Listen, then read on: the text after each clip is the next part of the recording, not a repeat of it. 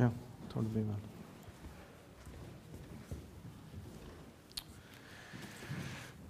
Kjære menneskefar, Takk for at du er vår Herre. Takk for at du er vår Gud. Takk for at du er konge. Takk for at du sendte Jesus som døde på korset, for at vi skulle få tilgitt alle våre synder, forlatt alle våre overtredelser og bli født på nytt til et nytt liv.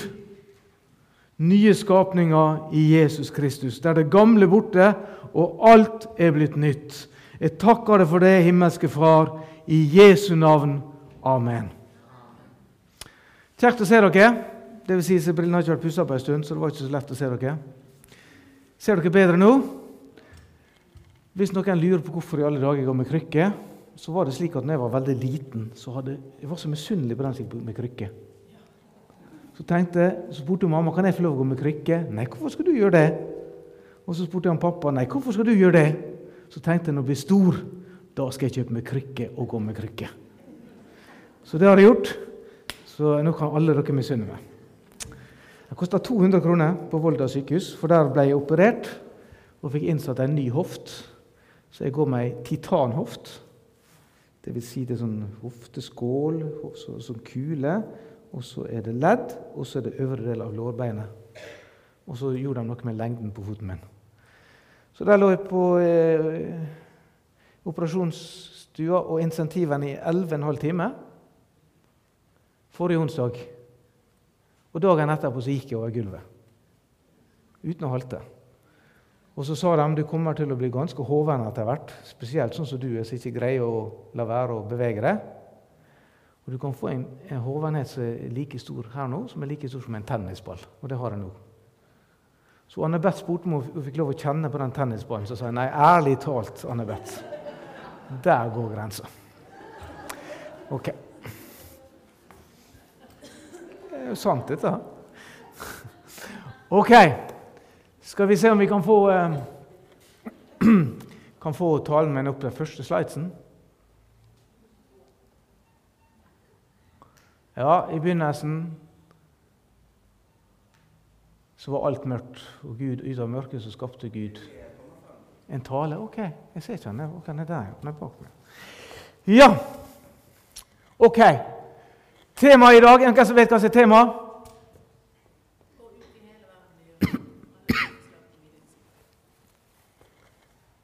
Gjør alle folkeslag til mine disipler. Ja.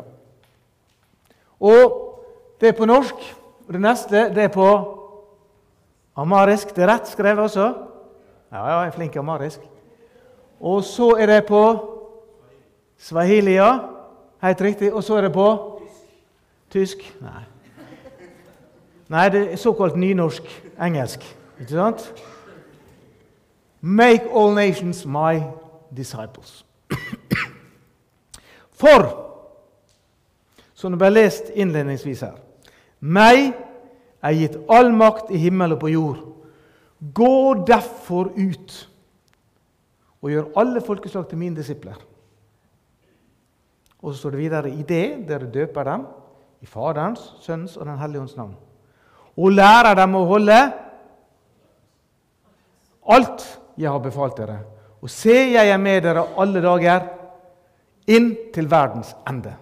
Og Hver gang jeg leser denne, så bruker jeg å gjøre litt prøve å tillempe den sånn, misjonsbefalinga sånn som vi egentlig følger den. For mange av oss vi gjør nemlig ikke det det står. Vi sier istedenfor Meg er gitt all makt i himmel og på jord. Ja, vi tror vel kanskje at Gud har fått det. Han har i hvert fall fått noe. Så egentlig så sier vi meg er gitt noe makt i himmel og på jord. Det er det mange tror. Gå derfor ut. Og mange tror det står Gå derfor inn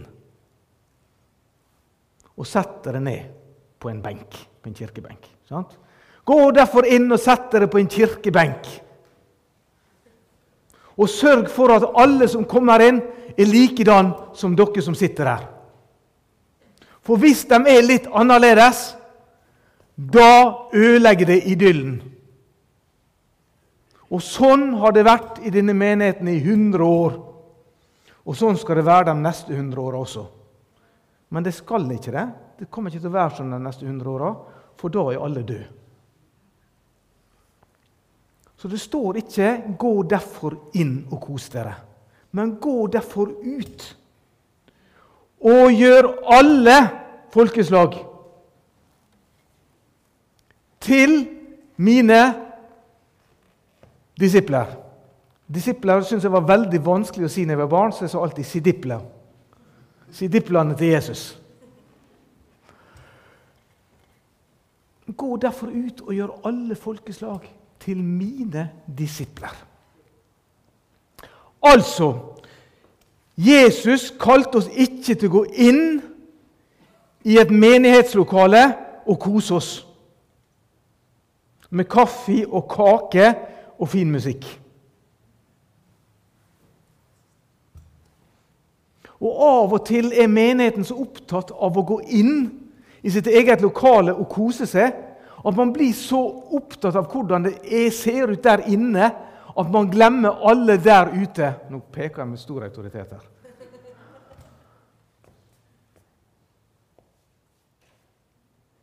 For noen år siden nå skal jeg ikke være veldig konkret, men så det, kom det et ganske ungt ektepar og skulle være menighetsledere i en menighet i Bergen.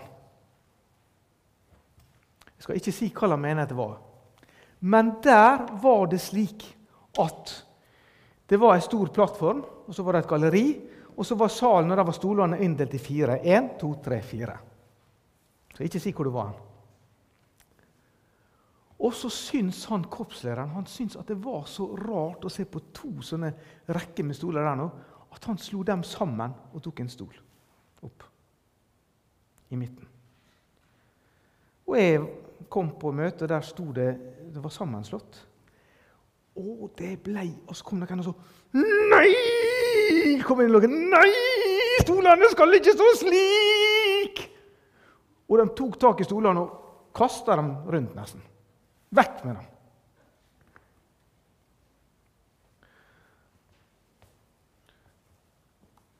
Og så gikk jeg på bønnemøte, og en av dem som sa stolene skal ikke stå slik, og kaste dem vekk, gikk på bønnemøte og ba om vekkelse.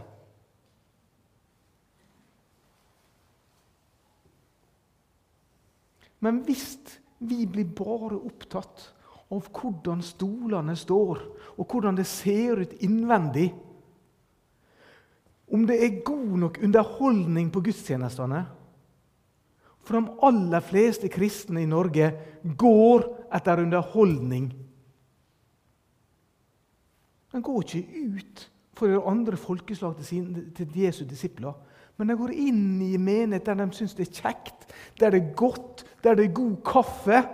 Der det er god kirkekaffe, gode kaker, der det er morsom predikant. Der det er gode stoler. Der det er skikkelig lovsangsteam. Og der det er noe for dem. Aller for fleste kristne gjør det. Jeg jobber på høyskole og universitet, og jeg vet hvordan kristne studenter er. De skal ha det kult. Så Jesus sa, 'Gå derfor inn, ha det koselig, lag det skikkelig kult'. Og så vil vekkelsen komme. Nei. Jeg tror det er ingen verdens ting på. Den minst ukule menigheten jeg har vært borti noensinne for noen år siden, det var Frelsesarmeen i Volda. Det kunne ikke bli mer ukult, gammeldags og feil. Men for noen år siden, det er ikke, det er ikke så lenge siden, vi var der med ungdommene herfra Vi kom opp der, og lokalet var stappende fullt. Av eldre og av yngre som priste Gud og takka Gud og folk ble frelst og tok imot Jesus. Og det var ingenting kult som foregikk. Men de hadde en brennende ild i hjertet sitt om å nå andre for Jesus. Og hvis du har en brennende ild i hjertet ditt, da tror du på det Jesus sa. Da går du ut og gjør alle folkeslag til mine disipler. Ta neste. Jeg glemte, jeg skulle ha lest dette for lenge siden. Der er bibelverset igjen på norsk. Meg er gitt all makt i himmelen og på jord. Gå derfor ut og gjør alle folkeslag til mine disipler. Og så er det marisk deretter. og så er det swahili, og så er det nynorsk igjen. Ok. Jeg skulle ha tatt det på tigrinja, unnskyld, men jeg, det var ikke plass.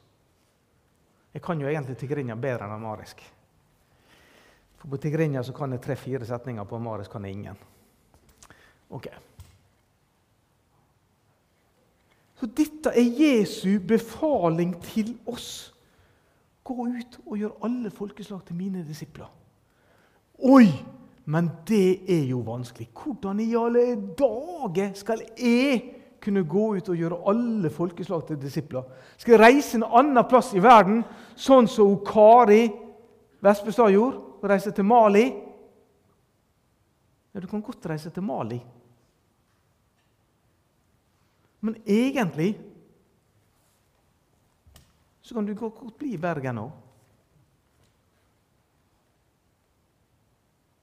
Nå skal jeg gjøre et eks, eks, ikke ekskrement, men eksperiment. Jeg teller til tre, og så roper alle hvilket land de kommer fra. Én, to, tre. Sverige. Nei, dette var ikke roping.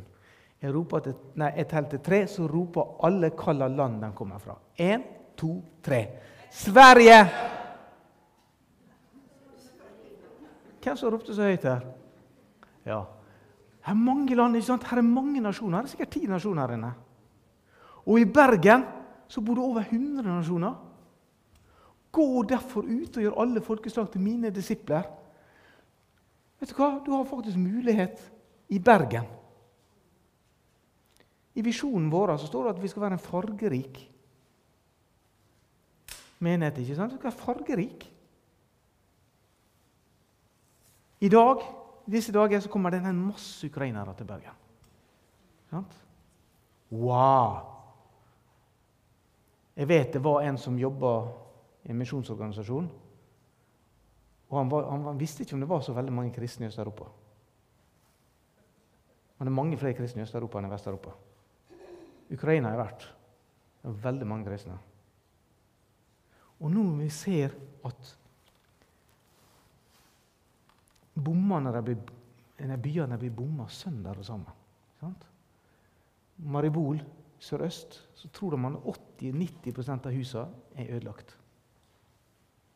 Og det er 350 000 mennesker som ikke kommer seg verken ut eller inn. De får ikke man, vann, mat eller noe som helst. Og de som kommer seg ut, blir tatt av russerne og sendt til byer i Russland. Langt vekk. I disse byene kan vi se bilder der folket alle sammen ligger i bomberommene. Den ligger på kne og ber til Gud. Og når bommen ikke sprenger, så står de og synger lovsang og prisa Gud. Helt fantastisk. I dag har vi mange ukrainere blant oss. En del av dem tror på Jesus, en del tror ikke. Vi kan være noe for dem. Vi kan vinne dem. Det finnes en masse folk fra hele verden som du kan gå til med evangeliet. Og ikke minst, det finnes nordmenn du kan gå med til evangeliet. For det er nesten ingen som er så analfabeter når det gjelder evangeliet, som nordmenn. Det er nesten ingen land i verden man finner så få mennesker som er troende som i Norge. Jo, det er noen som kan konkurrere med oss, stort sett Sverige og Danmark og Island. Men så er det nesten slutt. Vi kan gå med evangeliet alle plasser. Og det er viktigere å gå ut og nå alle folkeslag enn å sette seg inn i lokalet og kose seg. Neste. Nå er det slik at Guds ord har ulike former. Når vi leser denne boka, Bibelen, så vet vi at i begynnelsen var Ordet, Ordet var hos Gud, og Ordet var Gud. Sant? Johannes 1. Det betyr at det som står i Bibelen, Ordet, det er ikke bare Guds ord, men det er Gud sjøl. Ordet var Gud. Så, og det er jo helt fantastisk. Hvis du vil vite hvor Gud er ah, 'Hvor skal jeg gå og lete etter Gud?' Jeg finner ikke han. Her er han. Han er her. Og Guds ord kan deles inn eksempel, i, i, to. Kan deles på mange måter, men i to. Det ene det er logos. Og det er Guds allmenne ord til oss mennesker. Når vi leser Bibelen, så er det logos. Det gjelder til alle mennesker i alle situasjoner. F.eks. at Gud er skaperen, Jesus er frelser, Jesus er Herre. Den som tror på Han, skal bli frelst. Det er logos. Det gjelder alltid. Så er det en annen del av Guds ord som heter rema. Og det var En som sa rema. Jeg spurte en hvor, hvor mange ganger står rema. mange rema er det i Bibelen. Så var det en som sa 1000. Og det var ikke så rart. Man er ikke sikker på det er helt rett. Men rema det betyr Guds spesielle ord til en bestemt person i en bestemt situasjon. Så for eksempel da Peter gikk på vannet, så sa Jesus til han De var satt i båten, så kom de og spurte jeg trodde det var et spøkelse. Hvem er det? Så sa han, Jesus, det er meg. Tenk å si oh. Sannsynligvis så sa han det er jeg er, Javé. Det er jeg er, altså Guds navn. Og Da skjønte de med en gang hvem det er. Det er Jesus.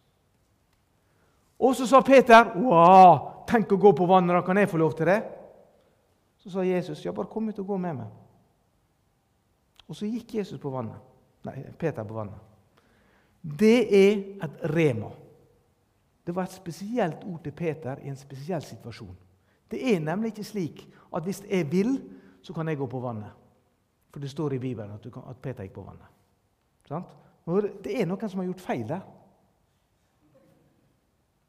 Det er det. Noen som kom for seint. De skulle på skolen og kom for seint, så prøvde de å gå på vannet. Blant annet jeg prøvde det en gang. Det gikk greit om vinteren, for da var det is. Men det gikk ikke greit om sommeren.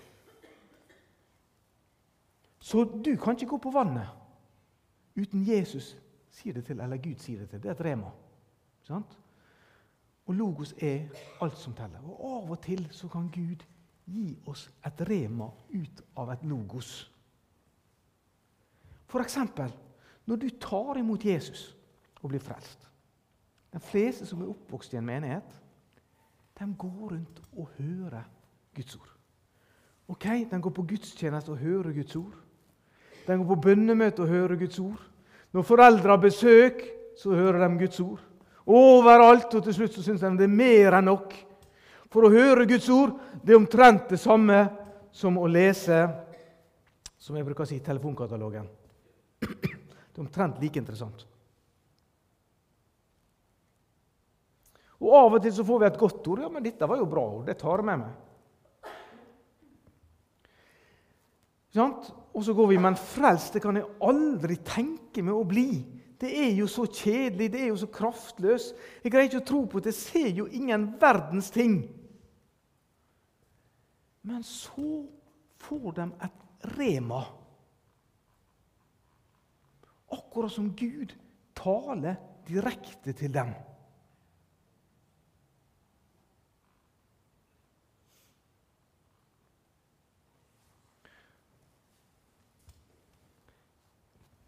For eksempel Markus 11,24, som jeg talte om sist jeg talte.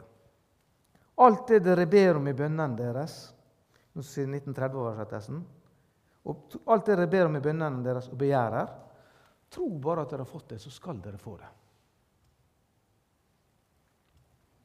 Hm. Ja, er det slik, da? Det var en mann han har vært, eh, etter hvert en omdiskutert teolog. Jeg har lest mange av bøkene hans. Jeg syns de er kjempegode. stort sett. Han heter Kenneth Heigen. Han var jeg tror han var tolv år, eller åtte år. eller Sånt, 12. Så var han syk. Så lå han hjemme i senga si og hadde en dødelig sykdom.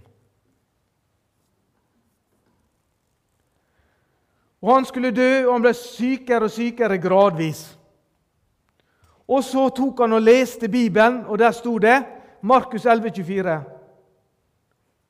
Alt det du ber om i bønnene og begjærer, tro at du har fått det, så skal du få det. Så tenkte han i alle dager, leste mange ganger, tenkte, hva betyr det? Tro at du har fått det, så skal du få det. Det betyr, det betyr at hvis jeg ber deg om å bli frisk, og tror at det, Gud har gjort meg frisk, så blir jeg frisk. Er det det det betyr? Og Han nå tenkte på det, han spurte bestemora si, som var ei gudfryktig dame, sa vet du hva, dette spørsmålet er så vanskelig at jeg tror du må snakke med en pastor. Jeg har en pastor jeg kjenner til, eller Foreldrene har en pastor de kjenner til. Vi skal be om han kommer og snakker med deg. Og Kenneth han lå og venta i senga si som en tenåring. Han kunne ikke gå eller noe, han bare venta på at han skulle komme. Og han pastoren kom aldri. For en skuffelse. Han var vel så opptatt med menigheten sin, han hadde ikke tid. Og så sa bestemora du, vet du hva, jeg har en pastor. Og han er en god mann. Skal jeg be han komme? Han kommer sikkert. Ja, be han komme. Så kan han forklare hva dette egentlig betyr. Og han kom. Og Kenneth lå der. Og Han kom inn på rommet til han og ba for han. Og så skulle, sa han, 'Hadde du noe på hjertet, Guds sønn min?' 'Ja.'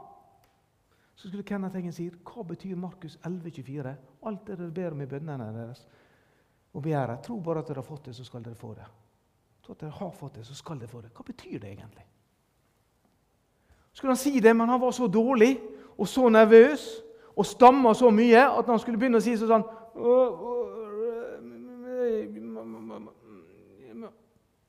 Og så tok han på sånn. Å ja, kjære Gud, vi ser denne gutten som nå snart skal dø.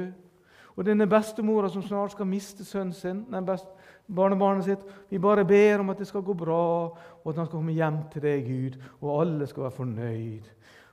Signe deg. Og så gikk han. Og så kom bestemora inn senere på dagen og sa Var ikke det flott? Jo, sa Kenneth. Er det greit at han får rett i begravelsen din? Ja. Hva slags sanger skal vi synge? Nei, det var ikke. Ok, Kan vi synge den? Ja. Kan vi synge den? Ja. Kan den bære kista di? Ja. Og så lå Kenneth der, men han døde ikke. Og han lå og spekulerte på hva betyr det alt det dere ber om i bønnene deres og begjærer, tro at dere har fått det, så skal dere få det. Det står jo virkelig, Hvis jeg tror at jeg er blitt helbreda, så blir jeg helbreda. Og Han lå og tenkte på det og tenkte på det. Og til slutt så tenkte han hvorfor i alle dager må jeg spørre andre mennesker om Guds ord er sant? Hvorfor kan jeg ikke tro at det er sant? Og da var dette ordet blitt et rema for Kenneth Heigen. Jeg vet om folk som har vært sikre på at de skulle helbrede og dødd. Og Folk er sikre på at han skulle helbrede og gått syke. Men nå var dette blitt et rema for Kenneth Heien. Det var et ord som Gud hadde talt direkte inn i hans hjerte. Og så sa han hvis dette er sant, så kan jeg stå opp av senga mi, kle på meg. Og Så sto han opp av senga si, kledde på seg og gikk ned i første etasje. Og mormora kom og så han satt der og ble Hva har skjedd? Og han vokste og ble vel ca. 80 år til slutt. Så Gud kan tale spesielt til det. Når du blir frelst, så er det slik at du ofte har hørt budskapet mange ganger, men det går liksom ikke inn. Og plutselig en dag så forstår du at Gud vil at jeg skal bli frelst. Han har tatt alle mine synder på seg. Han har tatt alle mine misgjerninger på seg. Og da kan jeg ta imot Han. Og hva er det så Gud har kalt det til? Ta neste. Jeg er snart ferdig. Vel, her er et ord fra Galaterne 3,28. Her er ikke jøde eller greker. Her er ikke trell eller fri. Her er ikke mann og kvinne.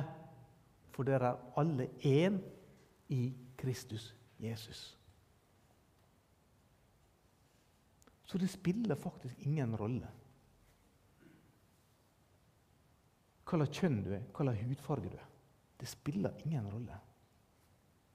Gud har kalt oss alle. Og hva har han kalt oss til? Neste. Jesus sa til dem, han kalte disiplene sine, 'Følg meg, så vil jeg gjøre det til menneskefisker.' Når Jesus gikk rundt og skulle få med seg tilhengere få med seg tilhengere. Han reiste ikke på Tysse Mekaniske Verksted og kjøpte tilhengere der. Men Han skulle ha mennesker som tilhengere. Og hva, gikk, hva gjorde han når han skulle få tilhengere? Jo, da kalte han dem til en stor konferanse og passa på det lovsangsteamet, det flotte lokalet, dem spotlighta. Ikke sant? Og for rundt på talerstolen og var, hadde skikkelig show. Nei, han gikk til folka der de var. Han gikk ut av synagogen, ut av lokalet, og møtte folka der de var. Og hvis det ikke kommer et eneste menneske på gudstjenestene, ja, da går vi ut. Og hvis det kommer mange på gudstjenestene, da går vi fremdeles ut. For det er vi kalt til. Og han gikk ut, og sa han. Hva sa han til dem, da? Jo, han overtalte dem. Oh, det finnes så mange gode argumenter for at du bør tro på Gud og at du bør tro at jeg er Messias. Her skal du høre alle argumenter. Nei. Han gjorde han? gikk bort og sa han, 'Følg med.' Følg med. Og så la han til, 'Så vil jeg gjøre det til menneskefisker'. Det betyr å følge Jesus. Det er ikke passivt, det er aktivt. Du skal gjøre noe. Du har et kall. Du skal være menneskefisker. Og det gjelder alle kristne. Det er et logos som gjelder alle kristne. Men alle, det er ikke alle kristne som forstår at det er det. Fordi at dette logoset er ikke blitt et rema for dem. De skjønner ikke at de har det kallet, dem også. Det er så fint i våre menigheter har vi et team som går ut og evangeliserer. Alle skal gå og vinne andre for Jesus. Neste. Er ikke flere? Nei. Flott. Så hør her.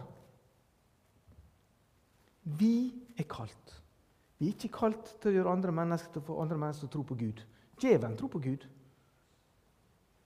Vi er ikke kalt til å få andre mennesker til å være med i en organisasjon. Vi er ikke kalt til å få andre mennesker til å bli likedan som oss. Vi er ikke engang kalt til å få mennesker til å tro på Gud eller Jesus. Men vi er kalt til å få mennesker til å overgi seg til å bli disipler for Jesus. Han har disipler som følger etter ham og gjør som han, og gjør det han har kalt oss til. En disippel er en elev. En elev gjør som sin mester. Jesus er vår mester. Så vi er kalt til å gjøre alle folkeslag til han er disipler. Forrige gang jeg talte, nå er jeg helt på slutten, så sa jeg to hovedgrunnene til at folk i den vestlige verden ikke blir frelst. Det ene er de kjenner ingen kristne. De bare leser om, om dem i avisa eller ser på NRK. Og det er som oftest et forvrengt bilde. Negativt forvrengt bilde. Så det er en årsak. Andre viktige årsaken til at folk ikke, tar, ikke kjenner Jesus, ikke er frelst, det er at de kjenner en kristen. Den nest viktigste. Og den kristne har gjort store skader på dem. Han har ødelagt dem ved å fordømme dem eller oppføre seg dårlig. Men vi er kalt til å gjøre alle mennesker til hanner og disipler. Peik på Jesus. Peik på Jesus. Ja, hvordan skal jeg gjøre det, da? Jeg ringe på døra og si 'nå må du omvende deg for all din synd, din idiot'? Det var en i Ålesund som gikk og evangeliserte omtrent på den måten. Husker du det, Pål? Ja. Eller kan du si Oi, vi har det vanskelig. Vi har det vanskelig. Ok. Jeg skal komme bort. Så tar du bak et brød og går bort til dem. Og sitter og snakker med dem om vanskene de har. Og så sier du 'Skal jeg be for det?' Hvis noen er syk, oi, snakk med dem. 'Skal jeg be for det?' Fordi folk trenger Jesus. Folk trenger Jesus. Jeg var på Levende Ord TV for mange år siden. En natt, lørdagsnatt. Jeg satt i arméuniform og vitna om Jesus. Så kom jeg på jobben på mandagen på Norges handelshøyskole. Det var ikke én, det var flere som kom inn på kontoret mitt og sa vi så på det på TV-en. Eh, kan vi få snakke med deg? Tøffe mann som aldri ville ha sagt det de satt og så på noe sånt. Folk er mye mer åpne enn vi tror når vi begynner å snakke om Jesus. Du skal dele Jesus. Vi skal gjøre andre til Hanna disipler. Han har etterfølgere, og vi skal følge han sjøl. Det er kallet vårt, det er herligheten vår, det er gleden vår. Er du Guds disippel, så gjør du det han har bedt om. Og du gjør andre til hans disipler. Du får med deg andre på himmelveien. Du får med deg andre til å gjøre som Jesus har sagt. For det er alltid det beste. I Jesu navn. Amen.